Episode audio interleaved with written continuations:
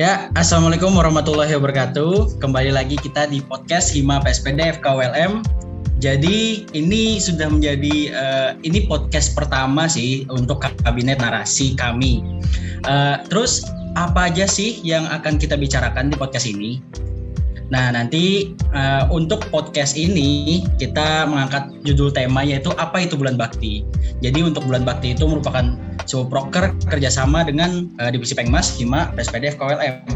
Nah, terus bagi penonton dan sekaligus pendengar kita ini yang banyak ini, uh, pastinya sudah nggak sabar nih nunggu perbincangan uh, kami-kami kita-kita semua nih. Pertama-tama kita kenalan dulu deh biar tambah akrab dan tambah sayang ya enggak kan ada pepatah tuh apabila uh, apa? Tak kenal maka tak sayang. Nah gitu jadi di sini udah ada Kak Ananda Dwi Latifah uh, sebagai Ketua Pelaksana Bulan Bakti 2021 Hima PSPD KWLM dan Kak Mahmudi sebagai PJ Bulan Bakti ISMKI Nasional. Sebelum itu kita sapa dulu nih untuk uh, kakak-kakaknya. Assalamualaikum Kak Kak Dwil dan Kak Mahmudi. Uh, yeah, gimana yeah. nih kabarnya nih? Gimana nih kabar kakaknya nih sekalian nih? Nah, sebelumnya baik, baik. mungkin boleh kita perkenalan dulu deh. Perkenalan dulu, mungkin bisa dari Kak Dwil nih, lebih dahulu nih boleh. Oke, ini ada formatnya nggak nih kenalannya apa aja? Uh, untuk kenalan boleh kakak dari uh, mahasiswa apa, angkatan berapa, dan juga dari staff mana gitu aja deh. Oke, halo semuanya. Penalkan nama saya Nanda Latifah, biasa dipanggil Duil, dari Angkatan 2019 Universitas Lambung Pangkurat. Alhamdulillah ini sebagai tahun kedua saya diamanahi sebagai staf dari Divisi Pengembangan Masyarakat Hima PSPD FKWLM. Salam kenal semuanya. Wah, keren banget nih. Berarti ya Pengmas itu pengembangan masyarakat ya kan, Kak?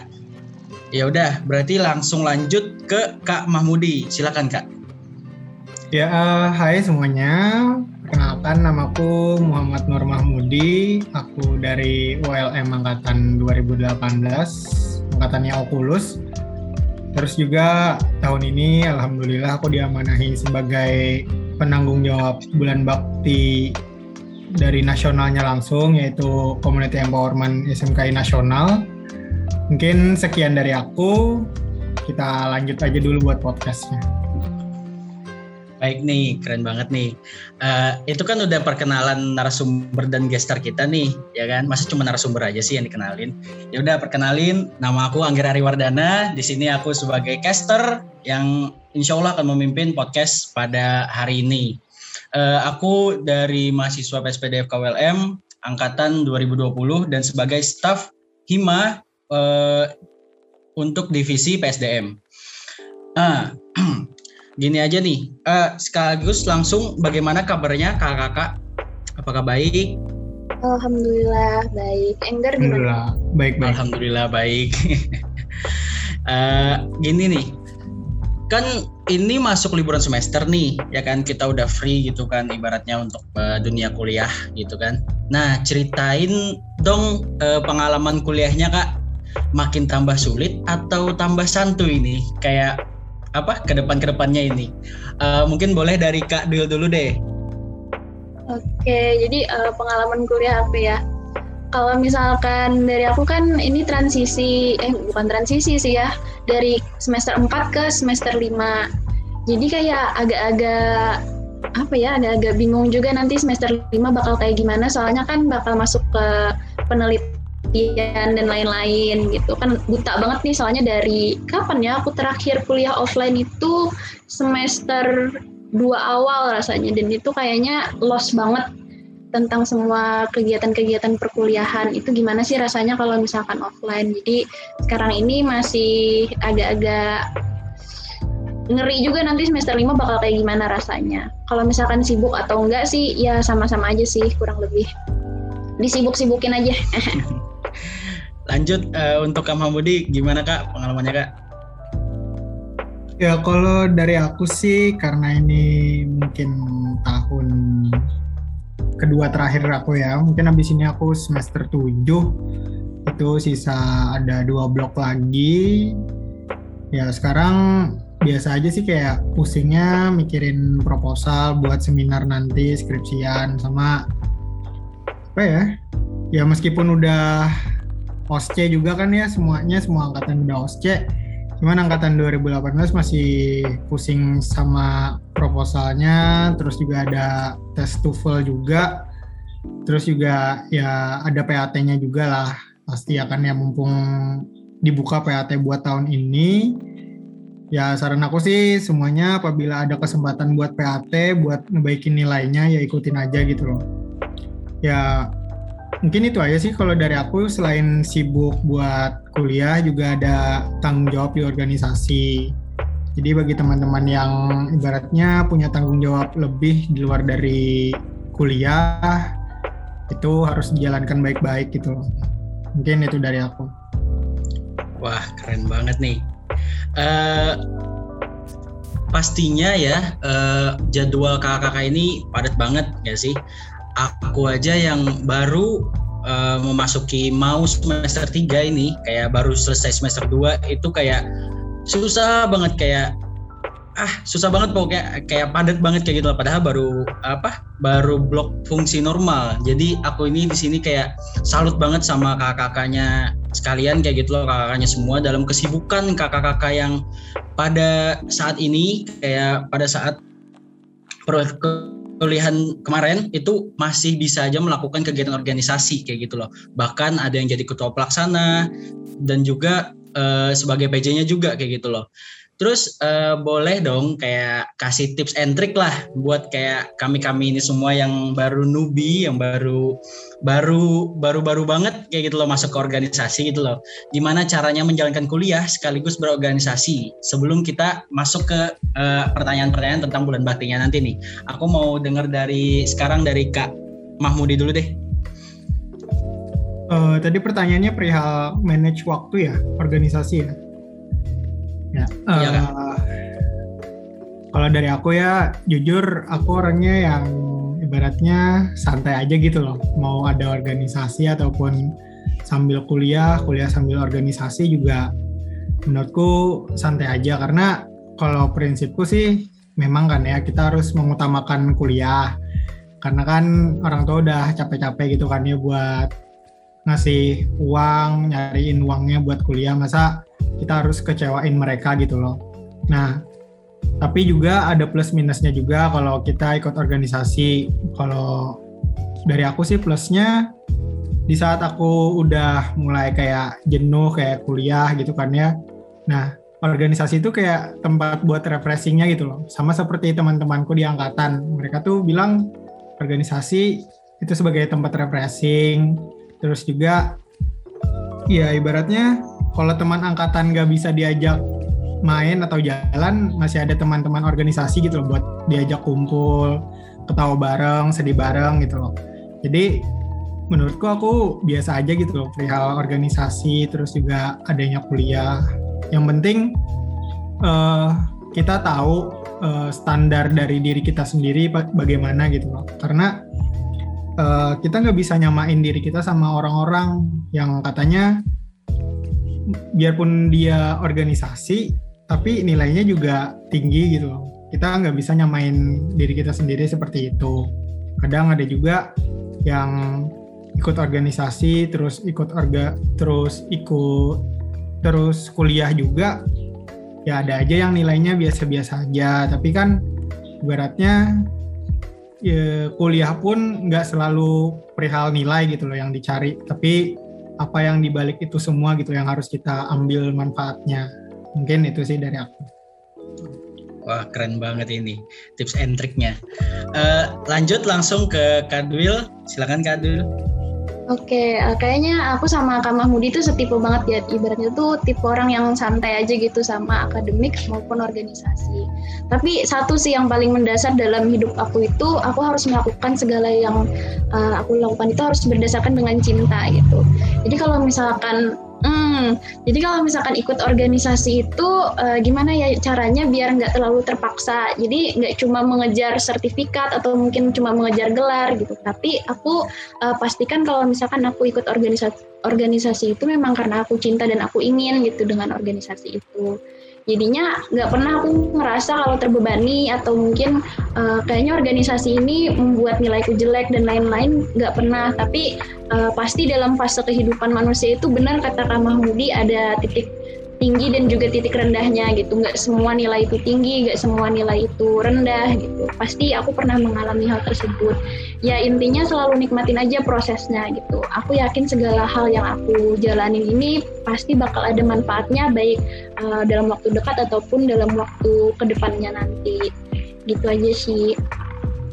Wah keren banget. Atas dasar cinta ya berarti ya kak. ya udah, mungkin ya udah cukup ya kita kayak perkenalan dan lain-lainnya juga kayaknya nih para pendengar ini dan penonton juga udah pada nggak sabar nih buat uh, dengerin apa sih uh, yang kita bicarain untuk bulan bakti ini. Jadi langsung aja nih. Kita kalau ngomongin tentang bulan bakti ini ya kan, kita bicara pastinya mengenai divisi Pengmas nih. Nah, boleh dong ceritain terlebih dahulu kayak gimana sih kegiatan Pengmas di bulan bakti ini berjalan saat uh, apa? Kayak berjalan pada saat masa-masa pandemi ini apakah ada hambatan uh, untuk kegiatannya atau halangan kayak gitu? Atau kayak gimana kak? Boleh deh atau ada peningkatan kayak gitu boleh cerita diceritain dulu kak. Ya mungkin dari Dwi aja dulu ya karena dia masih aktif di himpunan. Oke izin ya kak ya mungkin bisa ditambahin nanti. Kalau misalkan ditanya uh, apakah terhambat atau enggak, uh, aku bakal jawab iya terhambat.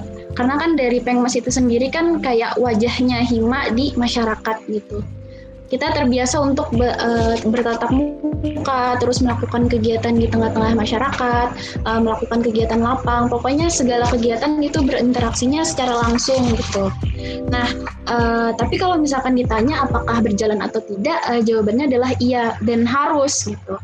Harus terus berjalan karena kan kita tahu pandemi ini terjadi secara global gitu segala tatanan uh, yang sudah ada itu semuanya berubah. Jadi yang harus kita lakukan di sini adalah mengikuti perubahan tersebut gitu. Jangan sampai kita itu kayak berdiam diri terus kayak uh, apa ya berlindung di balik kata pandemi, pandemi dan pandemi. Contohnya kayak kalau misalkan mau bikin program kerja, kayaknya nggak dulu deh, soalnya lagi pandemi. Kayaknya nggak bisa deh, soalnya lagi pandemi. Ibaratnya tuh kita kayak terbatas gitu membatasi diri Padahal kan kita tahu ya ibaratnya uh, apa yang kita lakukan itu segala inovasi dan kreativitas itu nggak ada batasnya sama sekali gitu. Kenapa sih kita nggak lihat uh, segala peluang yang ada di masa online ini? Kenapa uh, kita harus berfokus pada titik negatif? Kenapa kita nggak berfokus sama titik positifnya gitu? Contohnya kayak kemarin kan ada acara Komdev Community Development atau Desa Binaan di Hima itu kan uh, kalau biasanya kami ke desa-desa gitu buat ke desa buat melakukan beberapa kegiatan kepengmasan. Nah, tapi karena acaranya ini apa terhalang dengan pandemi kemarin, jadi kami melakukan kegiatan secara online, melakukan kayak webinar tentang uh, insecurity kemarin temanya. Jadi kan dari sana kami lihat antusias dari apa ya dari masyarakat itu ibaratnya mencari pengetahuan, mencari ibaratnya segala sesuatu itu sangat tinggi gitu. Jadi senang juga jadinya gitu. Uh, saat uh, saat ini kan seharusnya kita melakukan uh, kolaborasi bersinergi jangan malah kayak berdiam diri ibaratnya pasrah sama keadaan gitu sekarang yuk kita move on ibaratnya bikin kegiatan-kegiatan yang apa ya menyesuaikan dengan kegiatan pandemi ini juga gitu. Gitu aja sih. Intinya harus terus berjalan apa pun keadaannya. Wah keren banget nih pastinya nih walaupun ya sebagai kayak pandemi itu sebagai apa ya kayak cuman ya dibilang halangan ya pasti halangan ya kan? Tapi dibalik semua itu pasti ada jalan keluarnya pasti ada jalan jalan tikusnya lah buat tetap kita kayak ngelaksanain proker-proker yang harus kita kerjain kayak gitu loh. Nah terus uh, untuk dari Kak Mamudi, apakah ada yang dit ingin ditambahkan Kak? Ya uh, kalau dari aku sih gimana ya masalah pengembangan masyarakat buat turun langsung ke masyarakat buat edukasi pada saat sekarang ya emang susah ya apalagi waktu kemarin-kemarin baru pandemi tapi ya sekarang pun ibaratnya alhamdulillah juga udah bisa gitu edukasi langsung ke masyarakat meskipun kita harus selalu taat protokol kesehatan. Nah, uh, dari aku sih buat pandemi sekarang nggak apa-apa kalau misal emang ada izin dari institusi buat melakukan kegiatan pengabdian langsung turun ke masyarakat terus juga dikasih penjelasan gitu kepada pihak institusi kalau kegiatannya eh, dengan mengikuti protokol kesehatan gitu. Dan juga meminimalisasi eh, panitia dari kegiatan tersebut. Itu tidak mengapa untuk dilakukannya kegiatan kepengmasan ke masyarakat langsung. Karena uh, jangan jadikan pandemi ini halangan, tapi jadikan pandemi ini sebagai apa ya kayak buat melatih diri kita sendiri gitu loh. Bagaimana uh, untuk mengedukasi ke orang, apakah dengan pandemi ini kita selesai buat mengedukasi? Jangan gitu loh. Mungkin itu dari aku. Wah keren banget nih. Oh iya, uh, sampai lupa juga kita kan. Uh, ini kan pastinya pendengarnya ini ada juga uh, pendengar dan penontonnya ini pasti ada juga yang bukan dari divisi Pengmas dan juga pastinya bukan ada eh, bukan seluruhnya dari FKWLM kayak gitu loh. Uh, untuk itu boleh dong uh, dijelasin mengenai apa itu bulan bakti itu kayak gitu loh. Menurut kakak-kakak nih, terus mungkin aja juga ada pendengar ini nanti yang tertarik untuk masuk divisi Pengmas karena podcast yang ini kayak gitu loh. Nah mungkin dari Kadul dulu deh uh, bisa dijawab. Oke jadi uh, apa itu bulan bakti ya? Uh, Bulan Bakti itu sendiri adalah sebuah program kerja yang diinisiasi oleh SMKI, Ikatan Senat Mahasiswa Kedokteran Indonesia. Itu dilaksanakan satu tahun sekali dengan tema yang berbeda gitu. Nah, uh, nantinya dari apa SMKI bakal ngasih sebuah tema yang nantinya akan dibuat sebuah program program kerja oleh institusi. Uh, kita laksanakan sesuai dengan wilayah masing-masing. Uh, terus uh, pastinya untuk temanya itu sendiri uh, sudah dipilih oleh SMKI gitu. Ibaratnya tentang permasalahan kesehatan kesehatan yang memang harus dibahas nih. Ibaratnya uh, apa aja sih ibaratnya permasalahan kesehatan yang memang sedang urgent untuk dibahas gitu. Kalau misalkan tahun dulu itu ada tentang permasalahan gizi gitu. Kalau tahun ini beda lagi gitu. Jadi uh, fresh lah ibaratnya tema-temanya itu nggak monoton. Itu sih. Wah keren nih. Uh, kalau dari Kamamudi sendiri apa sih itu acara bulan bakti itu kak? Ya uh, mungkin sama aja kali ya sama apa yang udah dibilangin sama Duil perihal apa itu bulan bakti. Ya benar tiap tahunnya tema-tema dari bulan bakti itu berbeda karena dari nasional pun eh, melakukan pengambilan asesmen ke masing-masing institusi perihal argen apa yang harus kita angkat untuk melakukan promotif dan preventif kepada masyarakat di sekitar kita gitu dan alhamdulillah tahun ini uh, tema yang diangkat yaitu adalah penyakit tidak menular. Uh, ada empat tema besar yaitu ada hipertensi, diabetes mellitus, artritis gout, sama penyakit jantung koroner. Yang mana tema dari hipertensi sendiri tahun ini dilakukan sebagai uh, data untuk penelitian multisenter jadi bulan bakti tahun ini agak berbeda dari tahun sebelumnya karena diadakannya penelitian multisenter yang mana data tersebut akan diambil dari masing-masing institusi di, di bawah uh, di bawah naungan dari ISMKI nasional. Yang mana uh, data tersebut nanti akan diolah dan juga akan dijadikan sebuah jurnal nantinya. Dan tahun ini ISMKI bekerja sama dengan Bapin ISMKI yaitu suatu organisasi yang mana berhubungan dengan penelitian. Nah, nanti eh, data-data yang tadi udah dikumpulin itu akan diolah dan dijadikan sebagai jurnal penelitian. Yang harapannya uh, jurnalnya ini nanti berguna bagi uh, mahasiswa kedokteran yang ada di Indonesia untuk melakukan skripsi mungkin ya terus juga mungkin hanyalah sebagai bacaan untuk uh, tutorial mungkin ataupun sebagai ilmu tambahan gitu loh bagaimana kondisi Indonesia sekarang gitu nah mungkin itu dari aku Wah keren banget nih berarti ya uh, bulan bakti itu turunan dari uh, SMKI ya kak. Nah untuk uh, SMKI itu sendiri apa sih kak bagi yang belum tahu nih SMKI itu apa nih? Boleh kak dijawab dulu kak? Ya jadi pertanyaannya apa itu SMKI ya? Uh, SMKI itu adalah uh, sebuah wadah untuk berproses bagi mahasiswa kedokteran Indonesia gitu Jadi sebenarnya semua mahasiswa kedokteran Indonesia itu adalah anggota dari ISMKI. Nah, jadi uh, eh, ISMKI itu adalah sebuah wadah juga untuk uh, apa namanya mewadahi aspirasi dari masing-masing uh, mahasiswa kedokteran yang ada di Indonesia. Jadi ISMKI uh, hadir sebagai uh, wadah untuk mengumpulkan aspirasi dari teman-teman sejawat semua untuk uh, beratnya mau di mau dibawa mau dibawa ke mana gitu loh perihal institusi kedokteran Indonesia ini kan pengennya semuanya uh, fakultas kedokteran yang ada di Indonesia ini semakin maju entah dari segi fasilitas ataupun juga dari segi mahasiswanya gitu loh dan semakin berkembang untuk uh, pola pikir dari mahasiswa kedokterannya sendiri dan juga ISMKI juga berjalan dengan asas tridharma uh, perguruan tinggi gitu loh. Jadi makanya dari itu ada juga uh, pengembangan masyarakat. Nah, itu nanti uh, banyak ditemukan di proker-proker kepengmasan. Nah, mungkin itu sih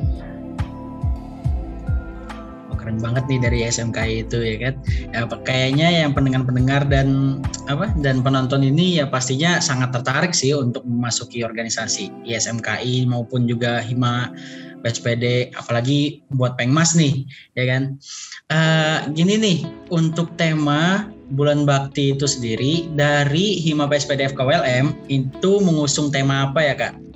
Boleh diceritain nggak sih kayak gitu loh kak untuk Kak Oke, uh, kalau misalkan dari Hima PSPD FKWLM kan tadi udah dibilang sama Kak uh, Mahmudi ada beberapa opsi dari penyakit tidak menular tadi. Nah, kami itu ngambil yang pertama opsi wajib yaitu hipertensi, terus uh, opsi opsi yang keduanya itu adalah diabetes mellitus. Untuk tema dari atau judul acara dari acara bulan bakti ini adalah berbakti, berbuat baik sepenuh hati. Itu Enggar. Keren, berbuat baik sepenuh hati. nah, untuk uh, tadi udah kan untuk temanya uh, udah jelasin udah dijelasin tuh sama Kak Mahmudi nih. Terus langsung aja nih kita nih. Kenapa sih kayak gitu loh? Kita itu harus mengadakan uh, acara bulan bakti ini kayak gitu loh. Kalau boleh tahu juga apa sih kayak latar belakang uh, dari tema-tema yang dipilih tadi kayak gitu loh. Boleh dari Kadul dulu jawab latar belakang kenapa milih tadi ya uh, apa penyakit tidak menular terus hipertensi sama diabetes mellitus. Oke, jadi uh, latar belakangnya itu kan karena sebagaimana kita tahu kita ini kan sedang di situasi pandemi ya. Jadi masyarakat itu mungkin ya mungkin ada beberapa yang terfokus ke uh, penyakit menular sampai melupakan penyakit tidak menular ini gitu.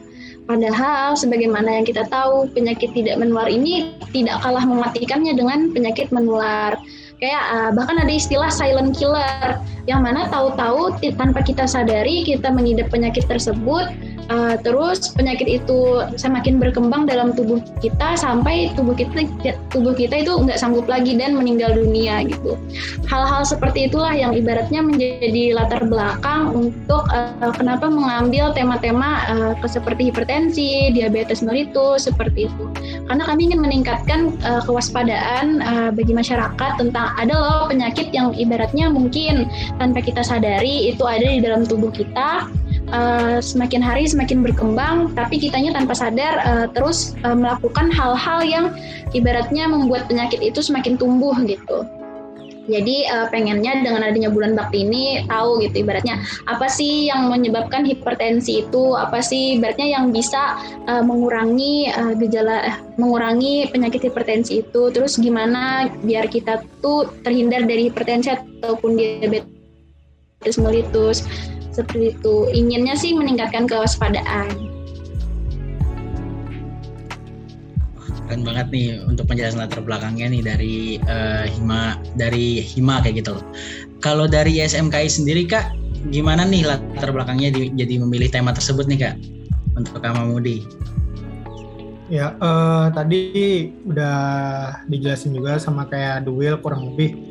Jadi dari CISMKI nasional khususnya pada periode ini uh, kenapa mengambil tema perihal PTM itu berdasarkan asesmen yang udah disebarkan gitu loh ke masing-masing institusi melalui uh, penanggung jawab di wilayah yaitu ada wilayah 1, wilayah 2, wilayah 3 sampai wilayah 4. Nah, dan kemarin tuh uh, paling banyak asesmennya perihal penyakit tidak menular dan kami pun uh, mengusung beberapa tema gitu untuk dipilih kembali. Nah, uh, dapatlah empat tema besar yaitu hipertensi, DM, artritis gout, sama uh, penyakit jantung koroner. Yang mana benar kata Duil uh, penyakit itu semua bisa menjadi silent killer bagi diri kita sendiri gitu loh. Mungkin itu aja sih dari CE SMKI. Nah, tadi kita udah bahas uh, tentang latar belakangnya kan.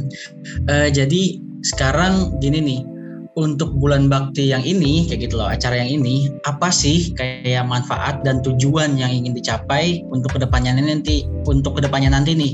Uh, untuk hima PSPD juga ke masyarakat dan juga sekaligus SMKI untuk masyarakat juga kayak gitu loh. Apa sih uh, manfaatnya kayak gitu loh dan tujuan yang ingin dicapai boleh dari kak dulu dulu deh Oke, jadi uh, pasti ya kita bikin program kerja itu nggak mungkin uh, yang nggak bermanfaat. Pastilah kami ingin uh, semuanya itu bermanfaat, paling tidak sedikit dapat diambil gitu. Ibaratnya sebagai bentuk perhatian kami terhadap segala bentuk permasalahan kesehatan yang ada gitu.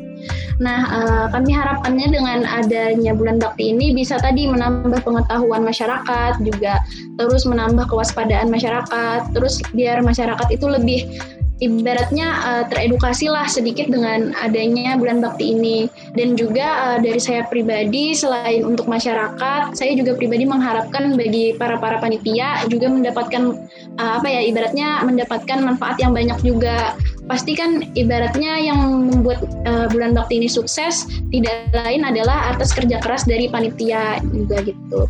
Nah jadi uh, saya harapkan dengan adanya bulan bakti ini panitia pun dapat merasakan kebermanfaatannya. Jadi uh, semua lapisan masyarakat itu dapat merasakan gitu bentuk perhatian dari kami. Itu sih. Keren banget. Uh, untuk uh, kakak untuk Kak Mamudi sendiri kayak gimana kak? Ya, uh, manfaatnya ya. Jadi yang diharapkan itu seluruh mahasiswa kedokteran Indonesia yang ada di bawah naungan ISMKI pun uh, mendapatkan sebuah uh, manfaat dari kegiatan bulan bakti ini. Terus juga uh, bisa mengambil banyak hikmah dari kegiatan bulan bakti. Misal uh, bagaimana sih cara mengedukasi yang benar ke masyarakat karena nanti juga uh, kita sendiri selain sebagai dokter klinisi kita juga harus sering gitu loh untuk mengedukasi orang-orang di sekitar rumah kita, di sekitar lingkungan kita. Karena tidak melulu kita uh, mengintervensi masyarakat dengan cara kuratif, tapi kita bisa uh, mengintervensi masyarakat dengan cara promotif dan preventif. Karena dari hal yang kecil pun bisa kita uh, menanggulangi hal yang besar gitu loh. Kita kan nggak mau kan uh, orang-orang di sekitar kita itu uh, mengalami penyakit gitu loh.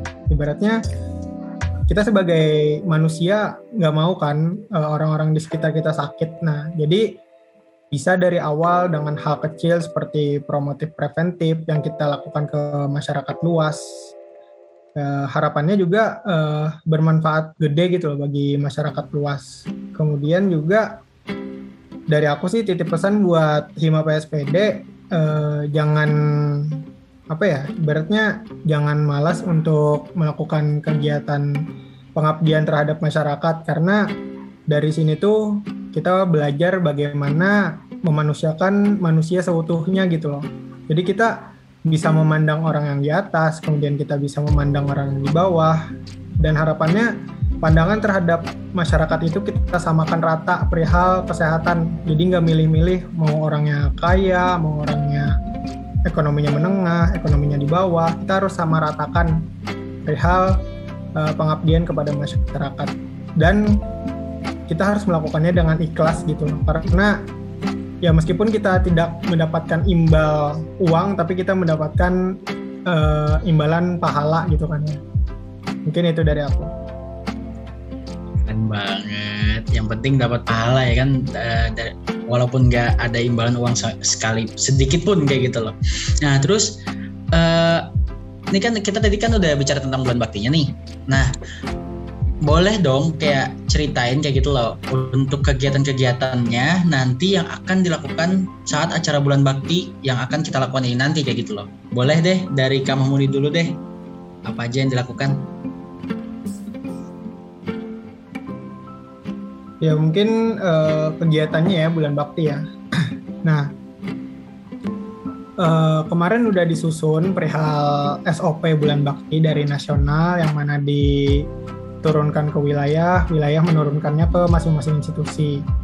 Jadi uh, rekomendasi kegiatan yang diberikan kepada masing-masing institusi itu kan ada dua, jadi ada online dan juga offline mungkin yang online-nya sendiri itu seperti yang tahun dulu ya kayak adanya webinar terus juga adanya health campaign kemudian juga adanya podcast-podcast seperti ini juga gitu loh yang mana uh, kegiatannya tidak bersentuhan langsung dengan masyarakat. Kemudian ada kegiatan offline. Nah kegiatan offline ini uh, memiliki syarat tapinya ada uh, apa namanya ada persetujuan dari masing-masing dekanat jadi uh, harus mendapat persetujuan terlebih dahulu untuk melakukan kegiatan offline karena yang memiliki tanggung jawab kepada mahasiswanya sendiri adalah uh, dekanatnya sendiri yaitu orang-orang petinggi dari institusi. Kemudian uh, apabila udah mendapat persetujuan, nah nanti dari masing-masing institusi itu harus membatasi kegiatannya seperti meminimalisasi uh, panitia. Jadi mungkin panitianya boleh 20 orang aja gitu loh, nggak harus satu himpunan ikut gitu nah kan ya. Terus juga harus mengikuti protokol kesehatan, terus uh, maupun masyarakat maupun juga panitianya harus tetap mengikuti protokol kesehatan gitu nah. Terus juga rekomendasi kegiatannya itu seperti biasa kayak adanya apa cek kesehatan, terus juga uh, edukasi secara langsung. Edukasi secara langsung kan bisa secara massal banyak ataupun juga dilakukan dengan cara door to door, rumah ke rumah. Nah, dengan cara rumah ke rumah juga akan meminimalisasi uh, terjadinya penularan dari COVID-19 ini gitu loh. Ibaratnya kalau door to door perlu dua orang aja satu rumah bisa kan ya pasti ya. Nah, Terus juga kegiatan offline-nya seperti senam bersama di desa binaannya ataupun uh, di wilayah komunitas gitu. Mungkin itu dari aku perihal rekomendasi kegiatan yang dilakukan dalam bulan bakti ini. Itu sih. Keren banget tuh pastinya tuh nanti tuh kita akan ngelaksanain itu tuh. Kalau dari Kak Dul sendiri kayak gimana nih Kak uh, untuk kegiatan-kegiatan yang akan kita lakukan nanti nih Kak? Oke, jadi rangkaian kegiatan yang akan dilakukan nanti uh, selama satu bulan ini ya, bulan bakti. Jadi Hima PSPD itu nanti bakal bikin acara yang bener-bener uh, seru banget.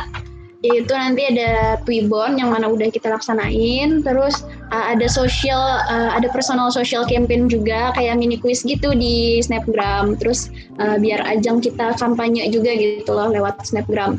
Nah, terus juga ada uh, podcast ini, terus ada video video kemarin yang teaser BB itu keren banget dari Bari kemarin artisnya.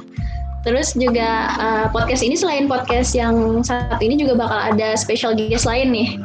Nanti bakal di spill spill dikit nih. Jadi jangan lupa stay tune bakal ada uh, pemateri lain lagi yang membahas tentang uh, salah satu penyakit yang nanti yang telah kita pilih tadi.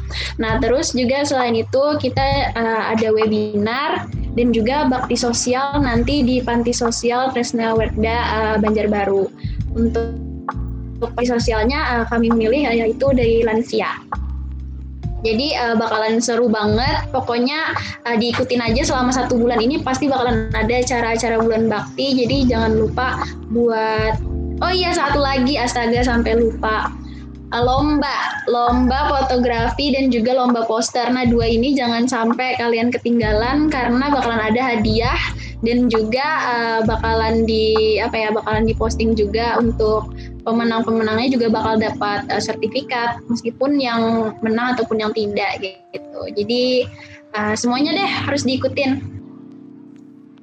Wah, keren banget nih kayak banyak banget nih ntar lomba-lomba tuh kayaknya aku juga tertarik deh sama yang apa lomba fotografi itu. Eh, kayaknya bakalan ikutan deh ntar tuh. Nah, uh, gini nih untuk uh, ISMKI sendiri Kak kayak gitu loh. Kayak biasanya bulan bakti ini diadakan pada bulan apa sih kak? Baik, jadi bulan bakti ini biasanya dikerjakan ataupun dilaksanakan bulan apa ya? Jadi untuk bulan bakti itu sebenarnya tergantung dari nasional koordinator dalam penyusunan timelinenya bagaimana. Karena berkaca dari bulan bakti sebelumnya, uh, bulan bakti itu ada yang dikerjakan di bulan April, terus juga tahun ini dikerjakan di bulan apa namanya? Bulan apa ini? Bulan Juni. Terus juga tahun kemarin karena pandemi dilaksanakannya sekitar bulan September. Nah, jadi sebenarnya itu tuh fleksibel, tapi harapannya uh, semua institusi bisa mengadakan bulan bakti itu di satu bulan yang sama. Makanya tahun ini ditetapkannya di tahun eh di bulan Juni. Jadi seluruh institusi di bawah naungan ISMKI itu melaksanakannya di bulan Juni mau itu secara per institusi aja ataupun secara kolaborasi bisa dilakukan antar regio yaitu misal ada regio Kalimantan dengan regio Makassar mungkin terus juga regio Semarang dengan regio Jogja kan bisa uh, dilakukan bulan bakti secara kolaborasi. Uh, mungkin juga bisa dilakukannya bulan bakti uh, kolaborasi antar institusi misal uh, ULM dengan UPR karena dekat kan ya terus juga uh, Undip dengan dengan UAD, nah itu bisa gitu loh. Jadi sangat-sangat uh, fleksibel untuk bentuk kegiatannya dan juga bagaimana kegiatannya masing-masing institusi. Tapi uh, bulan bakti sendiri itu ditetapkan di satu bulan yang sama. Mungkin untuk kepengurusan ke depan uh, belum tahu ya untuk kapan bulan baktinya, tapi biasanya dari tahun-tahun sebelumnya itu sekitar bulan April gitu.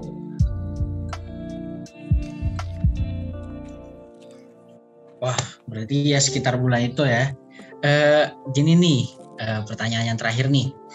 Kita nih melihat dari kondisi kita sekarang nih di tengah masa pandemi nih yang serabut, uh, yang kayak semuanya susah kayak gitu loh. Nah, terus peran apa sih kak uh, yang bisa kita lakukan nih sebagai mahasiswa kedokteran untuk membantu masyarakat dalam masalah kesehatannya nih kak? Boleh uh, dari Kak Dul terlebih dahulu deh jawab. Oke, jadi uh, tadi peran mahasiswa kedokteran ya di tengah masa pandemi ini. Uh, dampak dari pandemi ini emang luar biasa banget ya yang kita rasakan sampai saat ini. Uh, tak terkecuali juga buat mahasiswa gitu. Kita dipaksa buat pulang kampung, buat melaksanakan pembelajaran secara online di rumah masing-masing. Uh, tapi uh, apakah dengan mahasiswa itu dirumahkan aja gitu, uh, terus dia malah nggak berbuat apa-apa atau mungkin uring-uringan, cuma melakukan apa melakukan menjawab menjawab tugas-tugas dari dosen aja atau mungkin malah uh, nonton drakor aja gitu seharian gitu sebenarnya aku juga sih nonton drakor seharian. Tapi kan ibaratnya sayang banget ya misalkan kita sebagai mahasiswa yang punya identitas sebagai agent of change itu menutup mata tentang dampak yang telah terjadi uh, selama pandemi ini gitu. Padahal ada banyak sekali hal yang dapat kita lakukan sebagai mahasiswa uh, untuk ibaratnya membantu lah uh, di tengah masa pandemi ini gitu. Langkah awal mungkin yang dapat kita lakukan uh, mungkin kita bisa menjadi warga yang kreatif. Kita kan tahu kita adalah uh, kaum yang intelek. Uh, ya alhamdulillah kita punya ilmu gitu loh. Kita punya beberapa informasi tentang COVID-19. Jadi bisalah kita ibaratnya ngasih tahu tentang COVID-19 ini gimana gitu kepada keluarga atau mungkin di lingkungan-lingkungan sekitar kita dan jangan lupa buat diterapkan terhadap diri sendiri gitu protokol kesehatan dan lain-lain gitu ya ibaratnya menjadi contoh yang baik lah Nah, uh, terus selain itu juga kita bisa memanfaatkan media sosial. Seperti yang kita tahu kan kita ini udah masuk zamannya bersinergis dan berkolaborasi gitu. Jadi mungkin di himpunan bisa kita memanfaatkan media sosial seperti yang Bulan Bakti lakukan ini, misalkan kayak membuat uh, kampanye-kampanye secara online atau mungkin uh, membuat podcast seperti ini. Jadinya kan kita saling bersinergis untuk uh, memasifkan gimana sih caranya agar uh, memutuskan uh, rantai penyebaran dari COVID-19 ini gitu. Nah, selanjutnya juga selain itu kita bisa misalkan nih punya rezeki yang berlebih, alhamdulillah, mungkin kita bisa uh, memberikan donasi gitu kepada yang membutuhkan. Kan uh, dampak dari pandemi ini selain dari sektor kesehatan uh, dan juga pendidikan, pastinya ekonomi juga apa ya terdampak gitu. Jadinya ya bisalah kita saling bantu untuk mereka-mereka yang ibaratnya belum beruntung di masa pandemi ini gitu uh, selain itu kalau misalkan punya apa ya punya link atau mungkin punya kuasa untuk melakukan kegiatan-kegiatan secara offline misalkan sebagai satgas covid atau mungkin uh, menjadi relawan mungkin bisa dilakukan gitu. Ya intinya saling bahu membahu aja gitu yang perlu diingat itu nggak semua kegiatan kepengmasan itu harus turun ke lapangan. Sekecil apa pun hal yang kalian lakukan atas dasar uh, apa ya atas dasar ingin membantu masyarakat itu sudah dibilang sebagai kegiatan kepengmasan gitu. Jadi jangan ragu, nggak harus aku harus turun ke lapangan biar bisa uh, disebut melakukan kegiatan kepengmasan. Nggak itu kayak salah banget gitu. Kegiatan kepengmasan itu nggak punya borderline, nggak punya batasan. Selama kalian masih perhatian terhadap masyarakat, berarti kalian itu sudah melakukan kegiatan kepengmasan. Intinya saling bahu membahu aja untuk menyudah, menyudahi penyebaran dari COVID-19 ini. Itu Enggar. Wah mantap. Dari Kak Mahmudi nih kayak gimana nih uh, perannya bisa membantu? Ya, uh, kalau dari aku sendiri ya karena sekarang udah apa namanya bukan dari himpunan lagi biasanya kan kalau dari himpunan kan masih ada kegiatan-kegiatan kepengmasan yang turun langsung ke masyarakat. Kalau dari aku sekarang eh, di CI SMKI sebagai inilah ibaratnya kayak fasilitator gitu.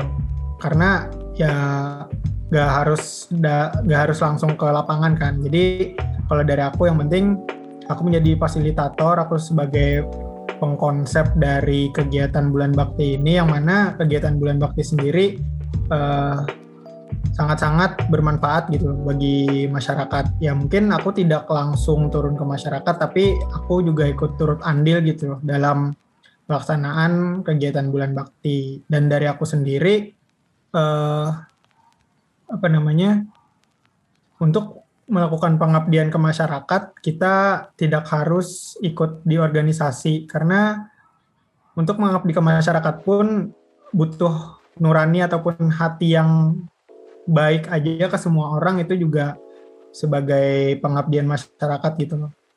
Nggak harus capek-capek turun ke lapangan buat ikut ini itu, bantuin ini itu. Cukup kita mengedukasi orang-orang di sekitar kita dengan rasa senang dan juga kita yakin apa yang kita sampaikan itu bermanfaat bagi mereka, mengapa tidak gitu loh untuk melakukan kegiatan pengabdian masyarakat.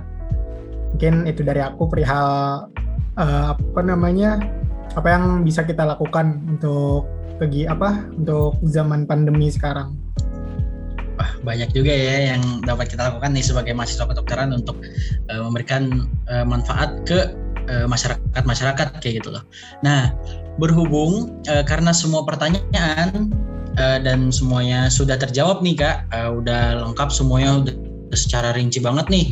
Nah, sekaligus itu juga merupakan penghujung podcast kita pada kali ini. Nah, jadi sebelum aku tutup nih, ada nggak sih sepatah atau dua patah kata yang bisa dipatah untuk uh, para pendengar dan penonton kita nih? Uh, bisa boleh dulu dari Kak Mahmudi.